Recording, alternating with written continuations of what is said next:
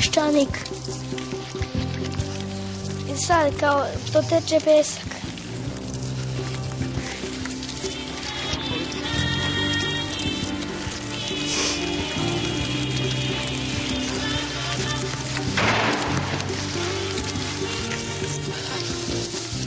Živet ćemo radeći sko rob. Ćemo robovi. Nije to hak, to smo mi.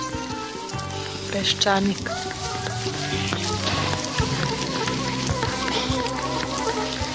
Dobro, koliko ima staža ti pa kad si radio? Ja imam 15 godina radnog staža, počeo sam da radim sa 18 godina.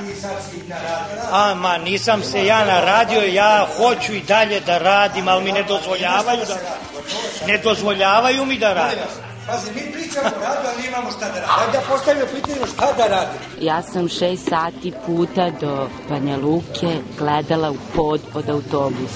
Nisam više mogla da podnesem da gledam srušenu, spaljenu, izrešetanu. Srušenu, spaljenu, izrešetanu. Peščanik. Možda Đinđić to hoće što je. Trči, skači, plivaj. Mi slušajte emisije Bože, on hoće da mi rintamo od jutra do sutra. Je on lud? Ovde je moja zemlja koju da napustim nikad neću. Znači u ovom referendumu, kad smo mi trebali da odlučimo da će dođe Felipe Gonzalez i još dva neka pedera španca, 5 miliona 300 hiljada ljudi je došlo da kaže ko vas jebe. Gde je nestalo tih 5 miliona 300 hiljada ljudi danas? 5 miliona vratno ušlo u DSS i zaboravilo automatski da ikada pripadao bilo čemu nego Koštunici. Pošto ja izuzetno cenim i gospodina Đelića, Sušćak veliki radi za nas danonoćno, gospodin Lavus, Pitić, Vlahović, Matković kao e, fina žena, lepa žena, lepo rade. E, ako vidim da su oni rekli da su spakovali kufere, onda znači da sad za dugo vreme smo pali opet neki ambis. Vidjet ćemo koji. S ljubavlju i mučninom. Tako mislimo u Srbiji, s ljubavlju i mučninom.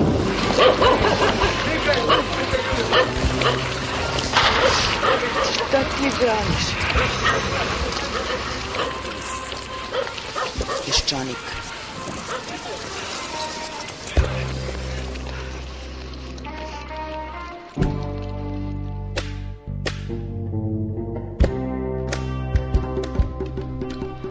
Dobar dan, poštovani slušalci. U današnjem Peščaniku čućete nekoliko vlasnika dosija službe državne bezbednosti, zatim advokata Nikolu Barovića, profesorku Srbijenku Turajlić, pomoćnika ministra za prosvetu i Nebojšu Popova, sociologa i glavnog urednika časopisa Republika. Ja ću preskočiti svoje uobičajeno uvodno slovo, jer bih morala da vam priznam da volim sledeće stihove Matije Bečkovića. Neka je prokleta zemlja u kojoj su paščad puštena, a kamenje svezano.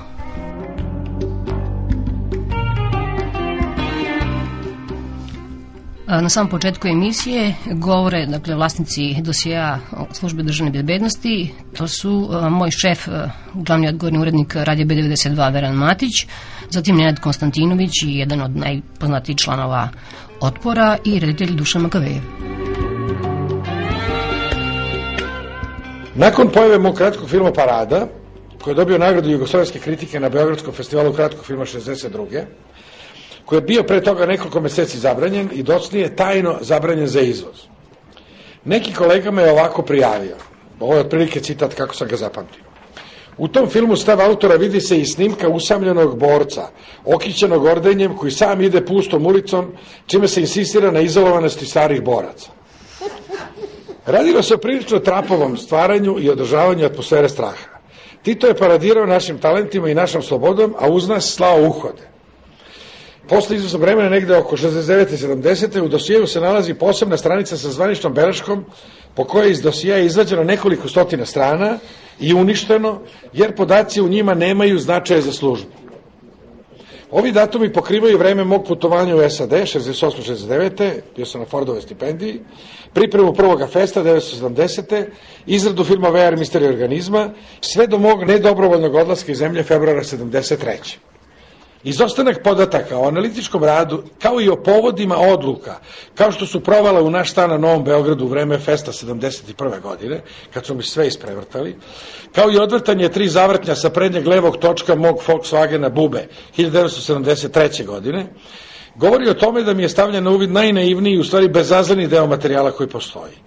Zabavni trenutak poslednji koji ću da citiram pričinilo mi je čitanje teksta o prikazivanju filma Sweet Movie na festivalu u Kanu 74. godine, koji sam radio za strane producente. Služba je zamolila našeg uglednog kritičara da opiše film koji je video. Film, dakle, opisuje čovek koji je svestan da se traži da mi naškodi. On ne sasvim tačno opisuje film tako da u njemu žena revolucionarka, sad ga citiram otprilike, očigledno predstavnica nove levice, zabija nož u leđa svome ljubavniku revolucionaru čime Makaveva pokazuje da je protivnik te nasilničke i reakcionalne struje u krilu radičkog pokreta i da je na strani naše humanističke pozicije. U trenutku kada mu je omogućeno da Mjanonino zabije nož u leđa, ovaj pošteni čovek smislio je akrobatsku interpretaciju filma da sačuva obraz pred sobom. Bilo bi divno kada bi bio donet zakon da to može da se iskopira i da mi imamo za našu arhivu i se podsjetimo šta smo sve radili, a ono što je najvažniji podatak to je da smo formirali otpor 27. oktobra 98. godine u kafeu Grinet. Čini mi se, to je podatak koji nismo znali. Ima tačno ko je sedeo za stolom. Tako da znamo i ko su osnivači. A inače, uglavnom su svi aktivisti otpora zavedeni kao srpski ekstremisti. Ti dosijei su zato i vođeni, a zatvoreni su negde posle 5. oktobra kada su utvrdili da nismo srpski ekstremisti.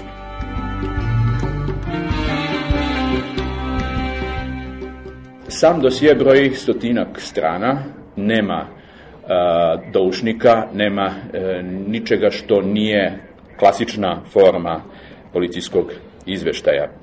Postoje registrovana dva a, zahteva i odobrenja za prisluškivanje koja traju oko tri meseca. Dosije se završava 93. godine. E, tekst je potresan kojim se zatvara dosije. Otprilike se tvrdi da zbog vidne depolitizacije moje ličnosti i radija P92 više nema potrebe za tim uh, nadzorom. Znači sve ono u stvari što je zanimljivo, što se događalo kasnije, naročito što se, ono što se događalo u poslednjih tri godine, jednostavno ne postoji. Dakle, od trenutka kada sam ja priveden 24 prvog dana bombardovanja i kada sam pušten posle toga, bukvalno tih prvih desetak, deset dana do 2. aprila dok nije potpuno okupirana redakcija naša, dakle dok nismo izbačeni na ulicu, u mojoj kancelariji su sedela dva predstavnika državne bezbednosti. Naša redakcija je zauzimana 99. i 2000. godine, znači tada su nam uzimali sve što su zaticali, na, nas izbace napolje i onda sve što su zaticali to je ostajalo u njihovim rukama a, i mogli su imati zaista izuzetno veliku količinu a, dokumenta. A, neki od tih dokumenta su pokazivani na konferencijama za štampu Aleksandra Vučića u ovom fajlu koji se završava 93. godine. Tako nešto ne postoji.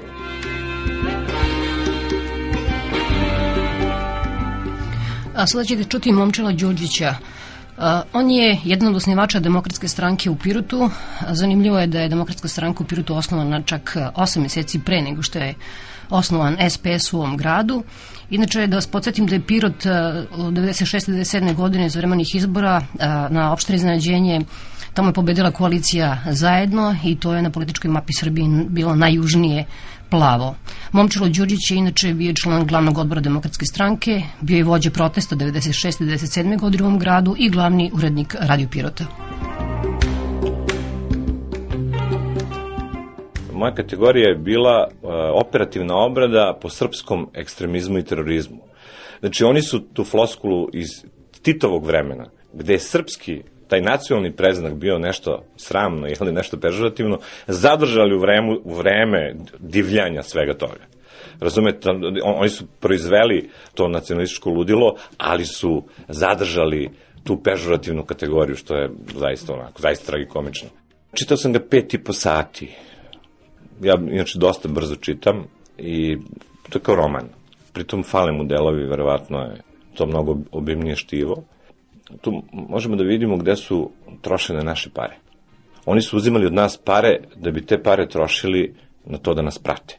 E, oni koji su pod tretmanom operativne obrade, oni su praktično bili praćeni na teritoriji cele zemlje i njihov telefon je bio prisluškivan. Četiri dokumenta sam zapamtio. Jedan dokument po kome mi je određena prethodna obrada, njega je potpisao Jovica Stanišić. Onda sam se kvalifikovao za godinu dana za operativnu obradu, za taj najviši nivo jel, tretiranja. To je potpisao Rade Marković. Zatim ima jedna odluka Vrhovnog suda Srbije o prisluškivanju telefona.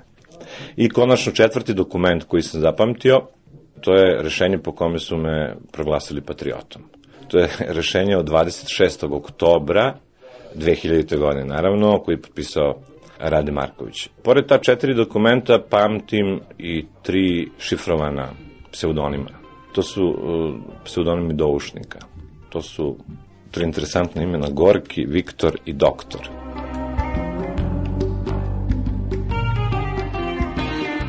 Dolazite u centar državne bezbednosti, sačekuje vas uh, ljubazni uglađeni debeovac i onda vam čita pravila ponašanja. U tim pravilima ponašanja stoji da sve ono što je u dosijevu prekriveno belim kartončićima i prelepljeno preko tih kartončića selotipom, ne smete da dirate, ne smete da uklonate kartončiće. I pod dva, vrlo interesantno, ne smete da se vraćate na ono što ste pročitali. Znači, ako ste na 44. strani, ne smete da se vratite na 28. Međutim, ja sam, naravno, rekao sam na početku, bi jako radoznao i sad sam tražio tehnike ovaj, kako da dođem do onoga što je pokriveno tim kartončićima, a to su uglavnom imena. Jel da, imena ljudi koji su slali izveštaje. Znate, tu postoje ljudi, doušnici koji jel da rade svoj posao, kojima bi donekle mogli da oprostim. Tu su operativci koji prikupljaju informacije, oni zaista rade svoj posao i prihvatam to. Kao tako i konačno vodeći ljudi državne bezbednosti koji su u tom resoru, centru državne bezbednosti u Nišu, slali izvešta. E, tu već je radila, ono što bi rekao Bora Đorđević, pokvarena mašta i prljave strasti. To je bilo nešto što se teško može prostiti i što im ja lično neću oprostiti. Pa znate šta, to je, uh, oni prikupe sve informacije i onda, onda puste mašti na volju. Onda žele da se dopadnu Beogradu i Nišu u smislu kako zaista na svom terenu imaju velikog državnog neprijatelja, nisam samo u pitanju ja, nego u pitanju moja porodica i tu su bile zaista najprljavije izmišljotine koje jedan debeovski um može da smisli, još ako je pročitao nekoliko loših knjiga pa se tu napravi jedan galimatija svega toga, onda je to pomija od, od, od izveštaja. Ja sam pribegao jednom lukavstvu, pošto je bio dan, prozor je bio s desne strane i neka dnevna svetlost je padala, a samo s jedne strane je pisalo, s druge strane lista je bila prazna strana, tako da sam ja prema svetlosti u stvari mogao da vidim, da pročitam imena, sve ono što je bilo ispod kartončića. Onda sam i došao u stvari do nekih podataka koji su ključni Za mene u jednom momentu čovjek iz državne bezbednosti koji sedeo pored mene rekao je, pa, vi čitate to što je ispod kartona? Ja sam rekao, da, čitam. A šta smo se mi dogovorili? Ja sam rekao, dogovorili smo se da ne diram karton, ja ga ne diram. To ne piše u pravilima da je zabranjeno da koristim dnevnu svetlost. I onda je on rekao jednu rečenicu koja je bila pomalo fatalna za njega, rekao ja, Luka, vi ste vi iz opozicije. Ja sam mu rekao, gospodine, ja nisam u opoziciji, vi ste u opoziciji. I tu se svaki naš razgovor ovaj, prekinuo, posle toga me ništa nije pitao. Ono što je mene zadnjih par nedelja pogotovo iritiralo, to je priča o ljudima koji su nagrađeni za dan MUPA, državne bezbednosti, ne znam već koji je to dan bio.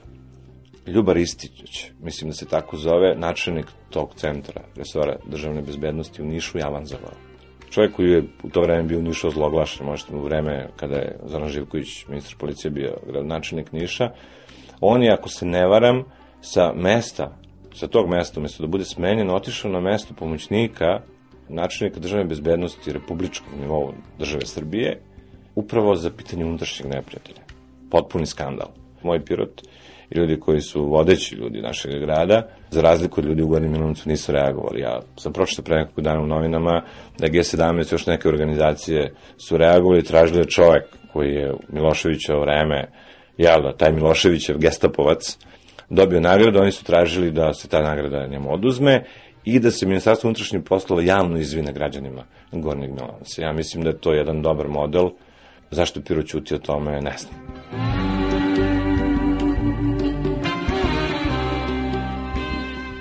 Svetlana, ja za ono što sam radio u ovih 12-13 godina ne tražim nikakvu nagradu. Ja to nisam radio ni za sebe, a pravo ti kažem nisam radio na prvom mestu ni za druge. Ja sam to radio zbog sebe. To što sam to verovao. Unutrašnja satisfakcija koju ja nosim je meni apsolutno dovoljna. Ja, dakle, ne tražim nagradu.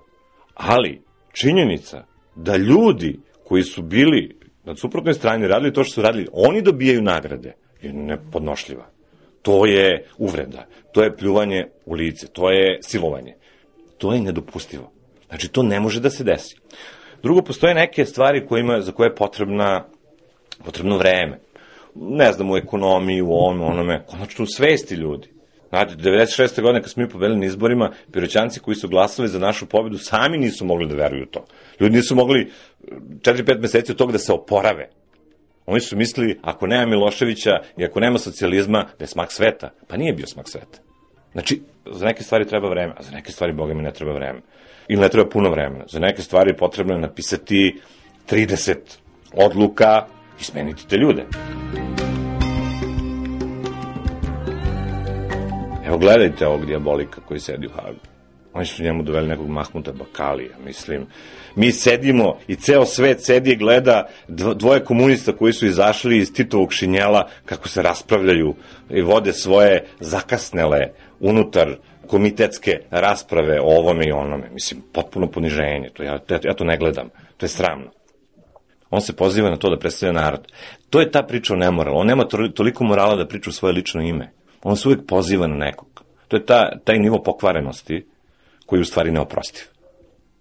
Ja nisam bio na Kosovu, i ja nisam bio u Hrvatskoj, i ja nisam bio u Bosni, ali sam bio u Srbiji.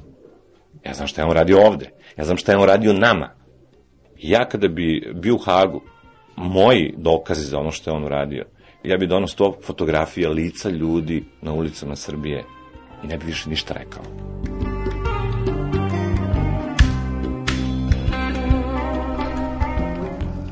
A sada ćete čuti advokata Nikolu Barovića.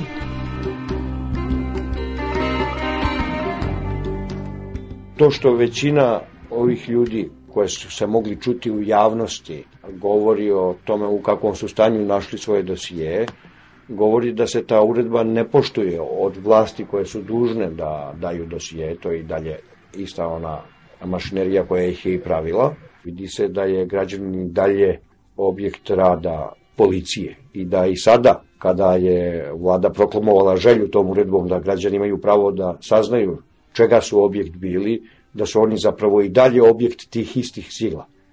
I naravno ostaje problem da li su građani koji su bili izloženi nedozvoljenoj aktivnosti, represivnoj aktivnosti prethodnih sistema, a možda i sada, da li oni imaju pravo da, traži, da traže da to bude uništeno kad se dosije odnosi samo na njih. Moj lični stav je da građanin ako je protiv njega rađeno nešto kriminalno, odnosno nedozvoljeno, kao što je vođenje takvih dosija, ima pravo da bude u najmanju ruku ravnopravan sa onim koji su nešto nedozvoljeno prema njemu radili i da ima pravo, ako želi, da svoj dosije i uništi u potpunosti ili da ima pravo, ako hoće, da ga stavi na internet. Taj fetiš države još uvek postoji i čak i kod onih ljudi koji kritikuju postojeće vlasti prvo što je taj e, kupus ostao kod koze, što su dosijeji ostali kod policije koja je i pravila te dosije, a ne kod nekog drugog solidnijeg čuvara. Jednom mom prijatelju su rekli da može dođe da pogleda svoj dosije na skoro 40-45 dana, pošto je podneo zahtev da pogleda svoj dosije, što je bio neuvičajeno dug rok. Obično se kaže za nedelju dana. S obzirom na njegovu ličnost, on je očekivao da oni imaju dosta toga da prekontrolišu šta će mu dozvoliti da vidi, a onda kad su mu dosije doneli, on je bio u jednoj maloj fascikli sa 20 strana. Ako je njima trebalo 45 dana da pregledaju taj dosije, onda možete misliti šta su oni procenili, šta je koza procenila da, da sada ovaj koji je deklarativno po odluci vlade postao subjekt, šta taj objekt ne sme ni dalje da gleda. Zapravo je on i dalje u istoj situaciji u kojoj je bio i kad je dosije vođeno njemu, kada su ti podaci e, skupljani. Sklanja se naravno sve što, što koža proceni da treba da skloni. Nekad to mogu biti, da kažem, unutar te logike racionalni razlozi, a mogu biti potpuno iracionalni, a naravno mogu biti i potpuno kriminalni, da se ne bi neki veliki kriminal koji je činjen u vezi sa konkretnim čovekom da ne bi bio uočan.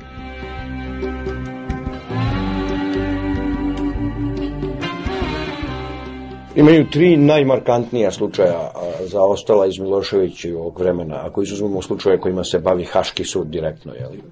To je ubistvo vaše kolege Ćuruvije, to je nekoliko pokušaja atentata na gospodina Draškovića i ubistvo četvorice pripadnika njegove stranke na Ibarskoj magistrali i ima zatvoranje, odnosno kidnapovanje nekadašnjeg predsjednika Srbije Ivana Stambolića 25. augusta 2000. na mesec dana pred izbore. Ta tri slučaja i konferencija ministara spoljnih poslova Evropske unije a, uzima kao tri, da kažem, test slučaja da li je sadašnja vlast preuzela kontrolu nad državnom infrastrukturom, nad državnim institucijama, nad policijom, vojskom, tužilaštvom, sudstvom, administracijom kao celinom, ili je ona još uvek u situaciji da ne može da razreši ta tri slučaja i za sad, nažalost, nije vlast položila ispit na jednom od ta tri slučaja.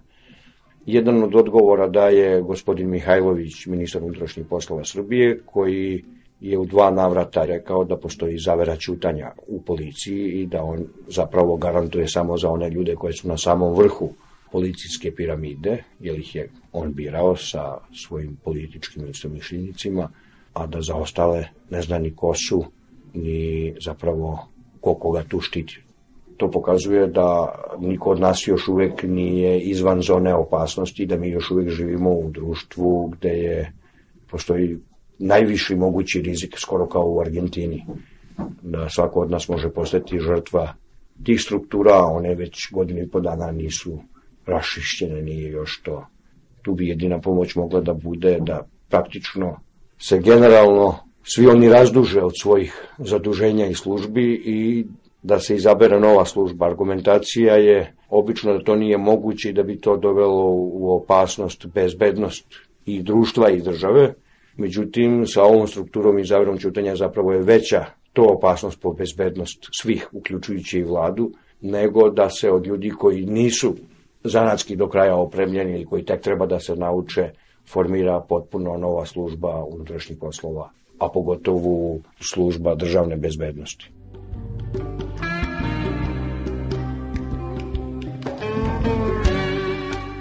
Rat je doveo do toga da se praktično izgubila razlika. Teško je razdvojiti to da li je neko policajac pa postao kriminalac ili je bio kriminalac pa je zbog toga primljen u DB, odnosno u specijalne jedinice, odnosno u te udarne snage.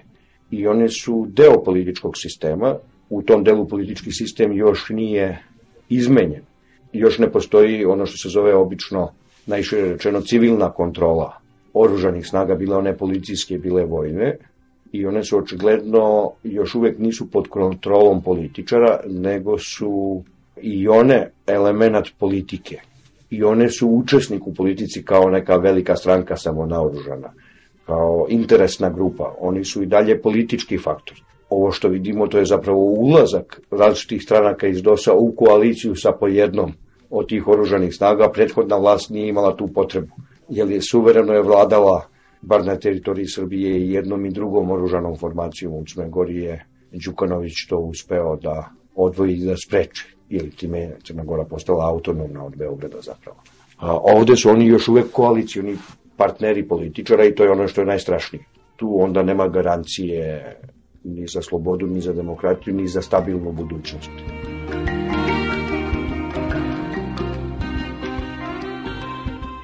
Najveći deo stranaka ovi koje su sada i vladajuće iz DOS-a, je zapravo u stanju hladnog rata sa ovim strukturama.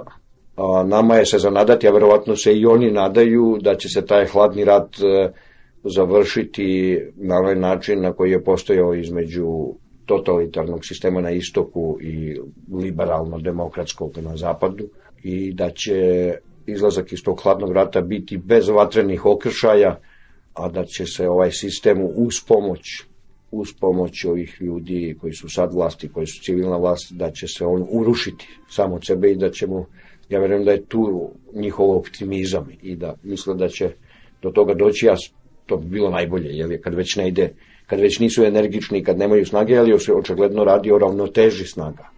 Može se zvala onda ravnoteža straha beše, ili tako? Ravnoteža straha.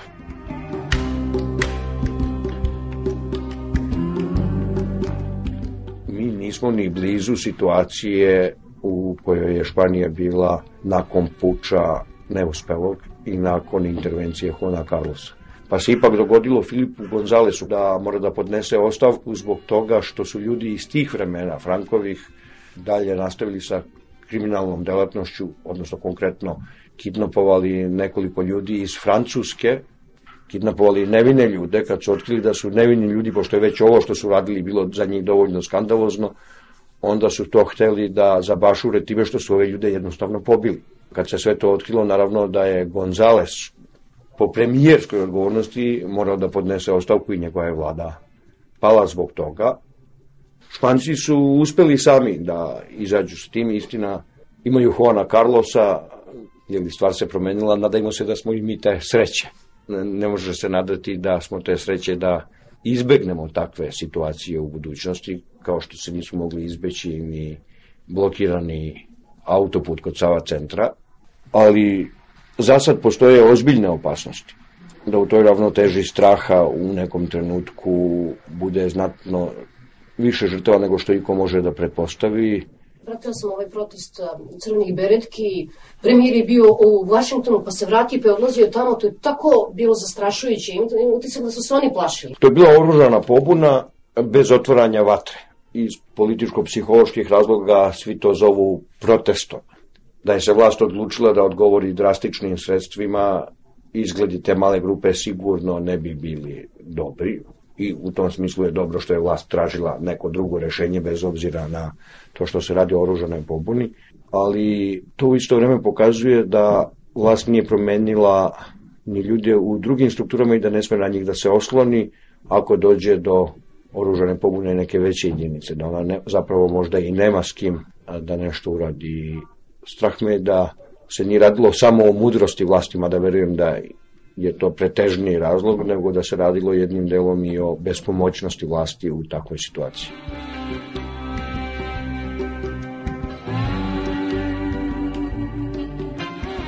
Da li pratite suđenje i kako, kako ono to izgleda uopšte? Evo, juče je bilo pokrenuto kao otkud on zna sve te podatke, 200 metara od potoka, šta, bučak i tako dalje. To su podaci koji su skupljeni od e, oružanih snaga ili od policijskih snaga koji dolaze iz uh, dosija građana i ti podaci su očigledno dobijeni od državnih struktura. Da li su oni prikupljeni i iskopirani pre 4. oktobra, pre 5. oktobra ili sada otiču. Zanimljivo bi bilo pitanje da li državni organi, odnosno da li sadašnja vlast ima sve te podatke ili nema. Koje Milošević ima? Koje Milošević ima. Ili, ili on ima samo kopiju svih tih podataka. To bi bilo zanimljivo pitanje i pitanje da li to samo otiče sada ili je već ranije spremljeno, odnosno sve sklonjeno u partijskim arhivama. To je pitanje za nas, koje je vrlo ozbiljno, što ne znači da se nekom treba da uskrate podaci, bilo ko da je, bilo da je to haški tužilac, bilo da je okrivljeni pred haškim sudom. Ta stvar sa haškim sudom je ukoliko nije stvarno, što ja sumnjam da jeste uobičajenim putem traženo, da se dođe do podataka koji mogu poslužiti u cilju utvrđivanja istine pred tim sudom, da je ovo drugo u oba slučaja zapravo kriminalna aktivnost. Svinjarija ako je ako hoće neka donesu odluku na osnovu koje će se onda podaci dostavljati gospodinu Miloševiću. Ali mi to moramo znati na osnovu koga, ko je donao odluku, na osnovu čega i da prosto znamo to, a ne ovako. Pa odluku bi mogao doneti svako ko je za to nadležan ako postoji, da kažem, uredan zahtev. Svaka javna institucija, pa čak i drugi, ali da ne ulazim u to, su i dužne da dostaje podatke ukoliko se to traži zbog utvrđivanja istine pred sudom, bilo kojim sudom. Jeli. Međutim, ako su podaci posjeduju samo zahvaljujući što je ranije postojala nečija apsolutna kontrola nad svim podacima, pa se za sebe samoga ili za svoju stranku zapravo privatno arhiviralo sve, onda je to kriminalno u odnosu na, na zemlju.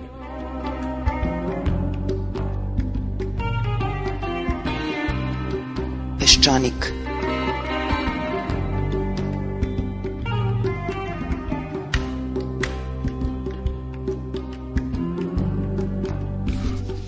Bio je e, gospodin Nikola Barović, advokat, bila neka priča o srpskoj naoružanoj stranci ili strankama, a sada o srpskom pink pokretu. Naime, predsjednik upravnog odbora akademske mreže profesor Srbijanka Turajlić i, i zamenik ministra za prosvetu izjavila je jučer prekiču u otvorenom pismu da ponašanje vlasnika Pink televizije gospodina Željka Mitrovića prema profesoru Čedomiru Čupiću najbolje ilustruje dokle može da stigne jedno društvo u kome se veruje da sve ima svoju cenu. Slušate gospođe Turajlić. Problem koji nova vlast zaista ima, to je što zaokupljena svojim razmiricama, s jedne strane i nekakvim objektivnim teškoćama da se ova zemlja izvede iz ekonomske krize s druge strane, je prosto propustila da podvuče crtu i da nekako jasno stavi na znanja celom narodu šta je to što se dešavalo pre 5. oktobra i ko je za to odgovoran. Da se to desilo, onda sasvim sigurno mi danas ne bi slušali izjave gospodina Željka Mitrovića na televiziji, jer bi on bio duboko posramljen čovek koji bi sedeo i vodio neki svoj miran život. Mi nedelju dana gledamo šta se dešava u Hagu. Slušamo iste one priče koje smo slušali deset godina, koje se sad nekome mogu i dopasti zato što ih doživljava kao izgovorene su inostranstvu protiv jedne druge, takođe pogrešne politike koje vođe inostranstvu, ali koja s nama zapravo nema nikakve veze. Ono što je činjenica i što bi takođe neko morao da izađe da objasni narodu, ti zločini su se stvarno desili. Ovi leševi iskopani u Batajnici zaista postoje. Neko je za njih odgovoran. I o tome se zapravo radi. Mogu li je nekog da ubijem? Pa posle toga da kažem, dobro, koliko to košta, evo da vam platim. Dakle, šta je to što ja ne mogu platiti? Verovatno da postoji nešto se ne može platiti, čak i u jednoj siromašnoj državi. Dakle, na siromaštvo nepravda. Niko se nije usudio da kaže, čekajte ljudi, malo smo se zaboravili, ajde da ustanovimo šta je spisak osnovnih moralnih vrednosti, šta je poštenje, ko je taj koji je bio nepošten, ko je taj koji je bio korumpiran. Dok mi to ne uradimo, ne vrede nam nikakvi saveti za boru protiv korupcije bilo čega, mi ne znamo ni šta je korupcija. Da li je korupcija kada ja platim ekstra profit i posle toga mogu da legalizujem sve što je nelegalno? Da li sam ja time korumpirala zapravo vladu Srbije ili nisam? Mi smo na kraju emitovali poruku da se svako nečasno delo može otkupiti parama. Ti koji su imali sreću ili nešto drugo, pa su se obogatili, njima je sada sve dozvoljeno jer oni svaku nelegalnu stvar mogu otkupiti novcem. Oni koji se nisu obogatili, e, oni ne mogu ništa. Na neki način je jako dobro što nam se desio gospodin Mitrović, jer je on omogućio da ljudi sagledaju šta smo zapravo uradili, odnosno nismo uradili po pitanju korupcije i nemora.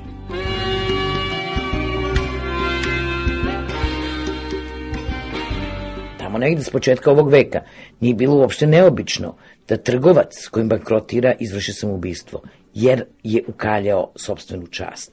Ostoje nekome dužan. Mi smo potpuno izgubili iz vida šta znači reč čast i poštenje i šta zapravo treba da radi čovek koji je učinio nešto nečasno, kako se društvo prema njemu ponaša. I to je najstrašnije.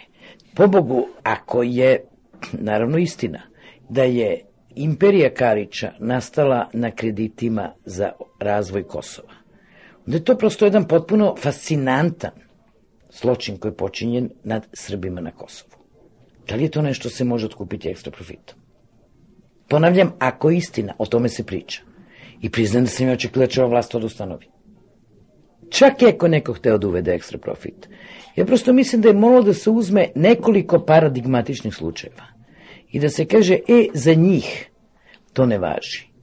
Ne znam šta je u glavi premijera, zaista ne znam i cele vlade konačno, e, ne znam šta je u glavi ni saveznih organa, Posle tu imamo potpuno drugu, ajde da kažem za mene još možda goru stvar. Mi imamo jednog generala Lazarevića koji nas je nazivo evo nas tri koji ovde sedimo, izdajnicima, stranim plaćenicima i pretio nam na razne načine, da bi ga onda nova vlast, Savezna država, unapredila i odlikovala. Mi imamo načelnika generalštaba, generala Pavkovića, koji nam je pretio i pred izbore šta će on nama raditi ako se mi usudimo ovo ili ono, da bi ga opet nova vlast, vlast koju smo mi svojim glasovima doveli, ponovo odlikovala. Dakle, ja moram priznati da ta dva ordena sam doživela kao šamar u lice, ne samo meni, nego svima nama koji smo zapravo godinama pokušavali da izađemo iz onog košmara u kome smo živeli. Zašto je savezni predsednik imao želju da nam udali taj šamar? Ne znam, on zna, vola bi da mogu da ga pitam. Nemam nikakvu ideju zašto je gospodin predsednik hteo da nas išamara na taj način. Nije hteo da ih smeni i o tome možemo pričati, ali zašto mora da ih odlikuje aman zaman?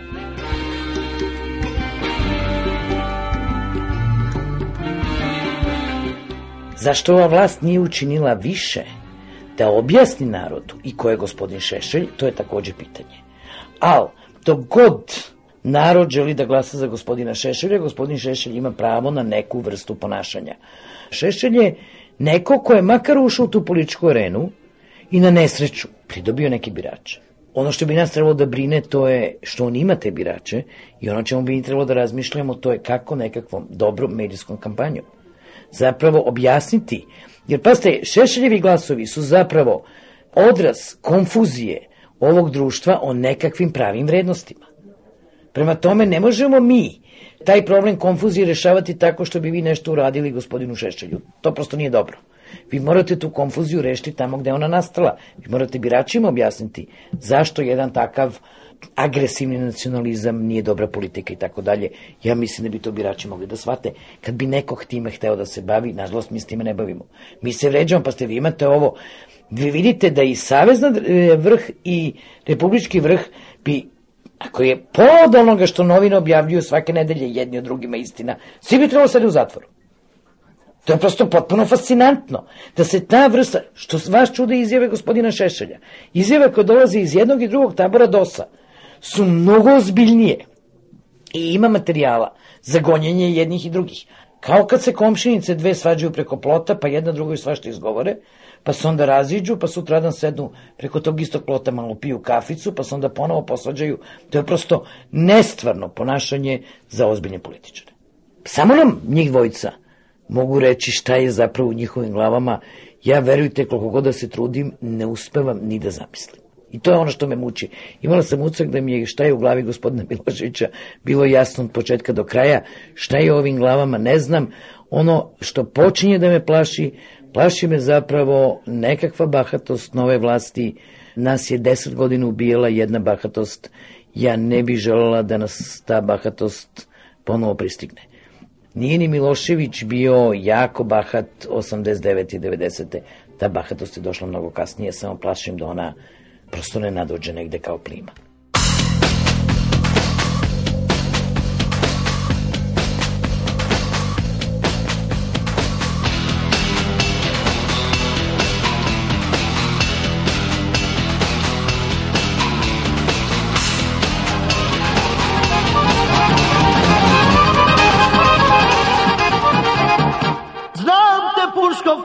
Pištolj bila Uživajte u životu. Šta se radi na estradi? Ja kao građanin to vidim bez obzira da li je meni predsednik opštine rekao ko podržava Pink. Meni je jasno po izgledu Pinka, načinu na koje je zidan, mestu gde on stoji, načinu na koji su žene obučene, publici koja je dovedena u studiju da glumi studente, stolovima i stolicama. Naročito kad ti ljudi izađu na terasicu na tom pinku da pogledaju saobraćaj. Meni je jasno ko nosi takva odela, ko je taj, ko ima takvu frizuru, meni je jasno kome to pripada. Ja ne moram da znam čija žena tamo tamnu vodu prede ili uopšte ne moram ništa da znam. Ja vidim kostim i po kostimu vidim epohu, period, vrstu pozorišta, E kad bi ti tako se malo to promenilo, pa kad bi ti video da on nije zauzao baš to, taj položaj svesno, nego eto tako možda, a ti vidiš da je on hteo da kaže, jeste, ja sam sada tu. To će biti ovako. I zato ja stojim na ovom mestu. I zato se odatle emitujem. I zato me baš boli briga i za bolnicu, i za put, i za sve. Jer meni se može, jer ja sam novi čovjek na novom trgu koji puca u nove ljude. Ja sam na strani Željka Mitrovića. Mislim da je čovjek sve izmjerio što treba da izmjeri i mogu da mu zavidim samo na tome što ima, ali mislim da je okej. Do života ti ćeš biti samo sunce moje.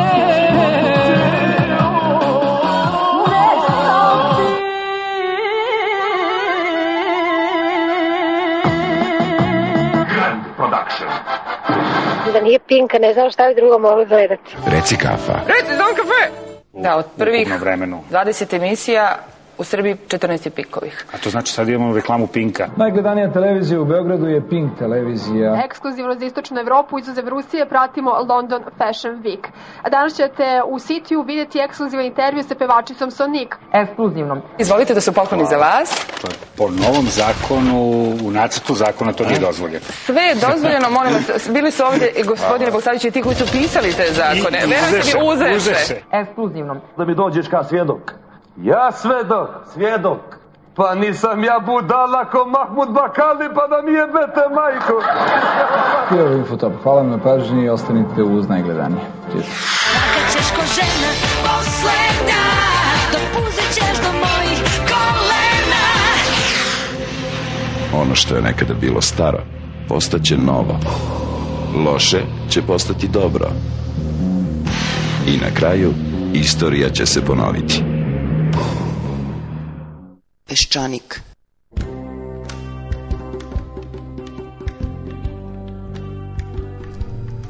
A sada, poštovani slušalci, e, govori gospodin Nebojša Popov, sociolog i glavni urednik časopisa Republika. U našoj tradiciji ustanovljeno je davno da ne postoji sklonost kontinuiranog angažovanja u bilo kojoj sferi.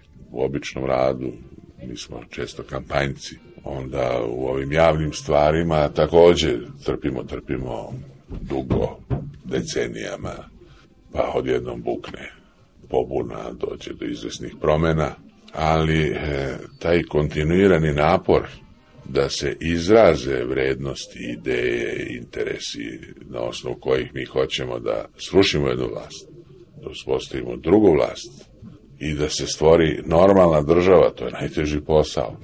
Ovde mnogi ljudi počinju s tim najtežim poslom i još uvek se ponašaju kao putujući šnajderi koji kroje državne granice i oblikuju države. To je najteži civilizacijski posao. To najčešće rade ljudi koji e, nisu pokazali sposobnost da rade uspešno neke jednostavnije poslove. I to stvara onda veliku zbrku. Tako da mi danas imamo jednu problematičnu zakonodavnu vlast u kojoj se nalaze stranke koje su ranije bile na vlasti tobože se velike borbe vode oko zakona, a većina tih ljudi drži do zakona kao do lanjskog snega. Izvršna vlast je najviše oblikovana, ali ona nije pod kontrolom ni javnosti, ni zakonodavne vlasti i ono što najviše nedostaje, a to je sudska vlast. Dakle, to je ono što je po mom mišljenju bitno da su ljudi krenuli u promene, najviše poslova nije obavljeno i onda nastaje jedna konfuzija šta ljudi dalje zaista žele, hoće i mogu li to kontinuirano da ostvare.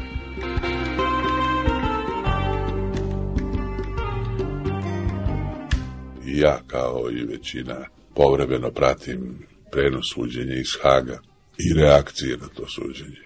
U prvih nekoliko dana dokaznog postupka odjednom su se pojavile neke interpretacije navijačke, velike hvale sposobnosti Miloševića se koncentriše, kako ima snažnu memoriju, kako je nokautirao svedoka ovog, onog. Ta vrsta simpatija upućuje na jedno ozbiljno pitanje e, da li su ljudi promislili i odlučili, kako se to nekad govorilo, imaju jasan stav, da je zločin kažnjiv. Čini mi se da u našoj javnosti ne postoji konsenzus oko kažnjivosti zločina i odmah da kažem zašto. Pa zbog toga što je još uvijek dominirajuća nacionalistička ideologija koja je spremna da opravda sve što se čini u ime tobože svetlih nacionalnih ciljeva, pa opravdava i zločine. To ponekad e, ide i dalje, rađe sumnju da ljudi zaboravljaju ili neće da znaju da je zločina uopšte bilo. Pa naravno, to je toliko strašno, mučno bilo, da je teško živeti s tim. Ali ne može se zaboraviti na neki normalan način ni tako jezive stvari ako ne znamo šta je to što treba da zaboravimo. Dakle, treba stvari da se razjasne i koje su odgovornosti i krivice. Posljednjih dan, dva su nagađanja otkud njemu toliki podaci. Sumnjam da iko može definitivno da odgovori odakle. Ali ima ozbiljnih indicija da on koristi aparate države, pre svega vojske i policije. A nedavno je na traženje Haškog suda da se dostavi dokumentacija tih službi uzvraćeno da je to državna tajna.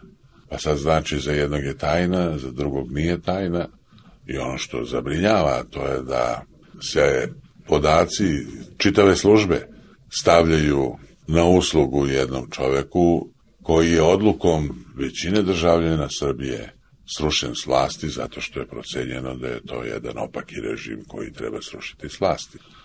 I nespokojan sam najviše zbog toga što primećujem da ne tako mali broj ljudi je prosto navikao da živi u mutnom ambijentu, da se ništa ne zna i da ne treba da se zna da je ta kaljuga u kojoj se mi nalazimo, čak krvava kaljuga, možda i prijatno nešto, kao ustajali vazduh, recimo, u autobusu, pa vam niko ne da da otvorite prozor, jer će stradati od promaje.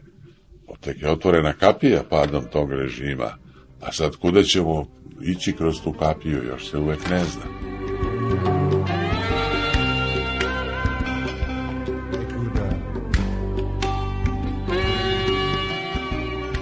Kakve poruke naši građani dobijaju od političkih elita, tako da kažem, kad su pitanju zločini? Mogli smo juče, na primjer, pratiti sednicu Savezne skupštine, na kojoj je između ostalog bilo reči o anketnoj komisiji koja je ispitivala aferu Bulatović, ubistvo, nerazsvetljeno ubistvo ministra narodne odbrane. Nekoliko dana ranije mnogi ljudi su bili zgranuti sadržajem stenograma koji su objavljivani u novinama sa tih razgovora. Zaista je ta anketna komisija po mnogim stvarima izgledala kao neki revolucionarni tribunal koji istražuje, optužuje i presuđuje. I to spada u takođe neke skandale. Najveći je skandal ipak u tome što su oni koji su imenovali Šešelja za šefa te anketne komisije, sada odjednom, kao da su iznenađeni onim što je on radio i uradio, a onda hoće to da ospore. Oni kad su odlučivali da ga imenuju, morali su znati, imaju veliko iskustvo sa njim, da on ne može drugčije nego kako je to radio. I nije jedini koji se ponaša kao istražitelj, tužilac i sudija u stvarima u kojima bi on sam morao biti predmet istraživanja i suđenja. To bi vam bilo slično kao kada bi, recimo, Miru Marković imenovala ista ta skupština za predsjednik anketne komisije koja će ispitati nestanak Ivana Stambolića. Samo oni koji hoće da se prave ludi i nevešti, zaboravit će da je ona govorila javno da tog čovjeka treba treba onemogućiti, ajde tako da kažem. Kao što je govorila o Ćuruviji, ajde, i možda može da bude predsjednik anketnog odbora za ispitivanje zašto nije rasvetljeno ubistvo Ćuruvije. Ona je javno tražila njegovu likvidaciju, to je bilo objavljeno. To nije ništa tajno. Prema tome, oni koji takve ljude podržavaju, pa čak imenuju za tako važne poslove, ni po kom kriterijumu ne bi se mogli nazvati elitom. Javni interes je zaista da se ti monstruozni zločini priznaju da postoje, dobro znamo da taj postoji, da se rasvetle i sankcionišu. A ovakvim njihovim ponašanjem oni odmažu da se ti javni poslovi obave i zato je to dosta neosnovano nazivati elitom.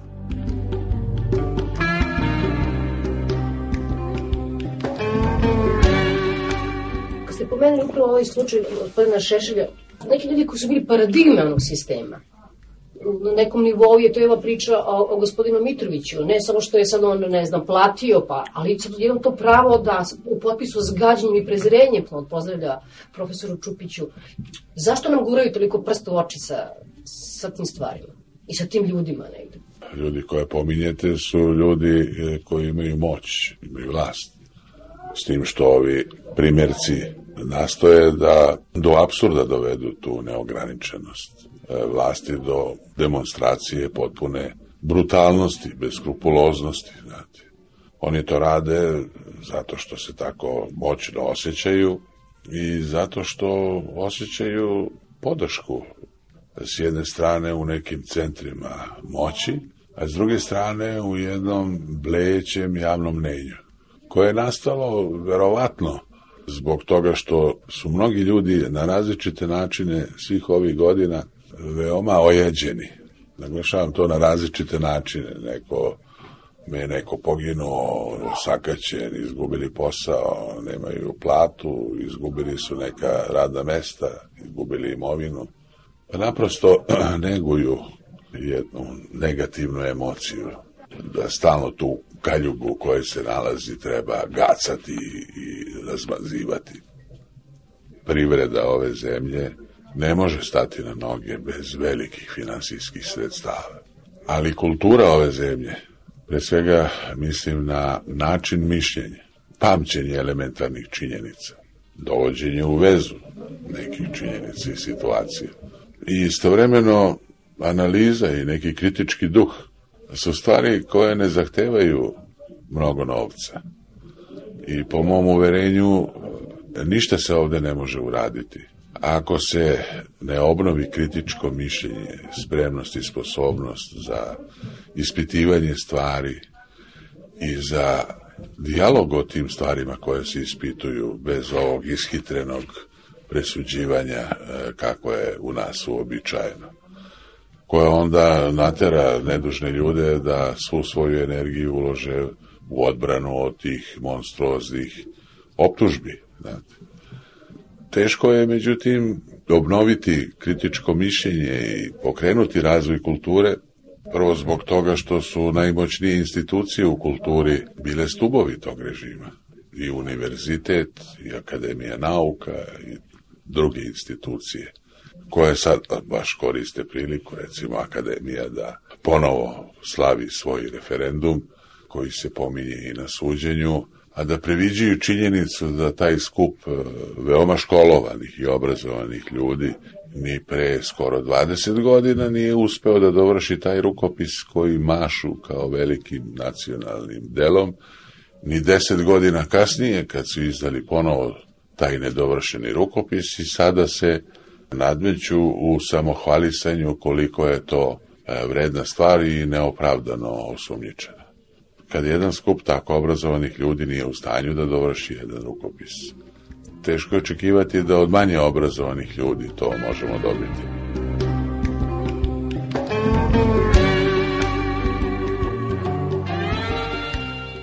Vi toliko dugo radite što radite. Odakle crpite u stvari tu snagu? najpre bih otklonio bilo kako samohvalisanje nekim vanrednim svojim sposobnostima. Prvo, ja nisam bio siguran da ću živeti ovoliko koliko živim. Evo, prešao sam 60. godinu. Po Titom sam svašta doživeo, baš svašta. Posle Tita takođe svašta. I gubio posao, bio bez pasoša, bio malo i u zatvoru, ali nikad sebe nisam doživljavao kao nečiju žrtvu. Radoznao sam. Eto, prosto sam radoznao šta se to događa. I ima tih ohrabrenja, znate. Jedan čovek je na terazijama, uspeo se na drvo i vikao, svi vam lažu, ja ću vam reći istinu. Zatim, sećate se one devojke 9. marta, koja prkosi vodenim topovima. 97. godine, početkom februara, na Brankovom mostu Znate, jedna žena, Vesna Pešić, se suprostavila kordonima policije, mlatili su je tamo, ovih vođe u tom trenutku nigde nije bilo.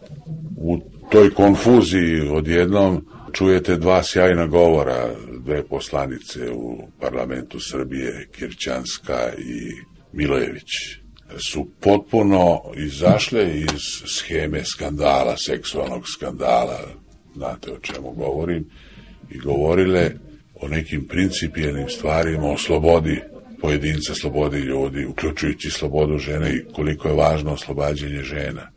U tom ne baš pristojnom skupu ljudi, e, tada se čula muva, tako reći, u toj skupštini, ti ljudi koji ne pokazuju razumevanje za bilo šta, mnogi od njih, odjednom su izgleda shvatili da se tu neke krupne stvari događaju. Zatim, za vreme bombardovanja, u Čačku, na mitingu jedna žena, Verica Barać, govori o tome da se treba suprostaviti i bombardovanju NATO pakta i Miloševićevom režimu koji prouzrokuje to bombardovanje. Znate, to su sve neki događaji koji predstavljaju vertikale, proboje iz tog ništavila, besmisla, iz te kaljuge. Neoprostivo je to zaboraviti i na tome ne dograđivati, oslanjajući se na to, taj jedan dalji proces promena, jer ova zemlja, ljudi koji u njoj žive, nisu baš zaslužili ni one režime koji su bili ranije, ni ove improvizacije koje se dešavaju sada, niti neke preteće nove meteže, ipak e, smo mi zaslužili da napravimo jednu normalnu državu, normalno društvo i da živimo od svoga rada.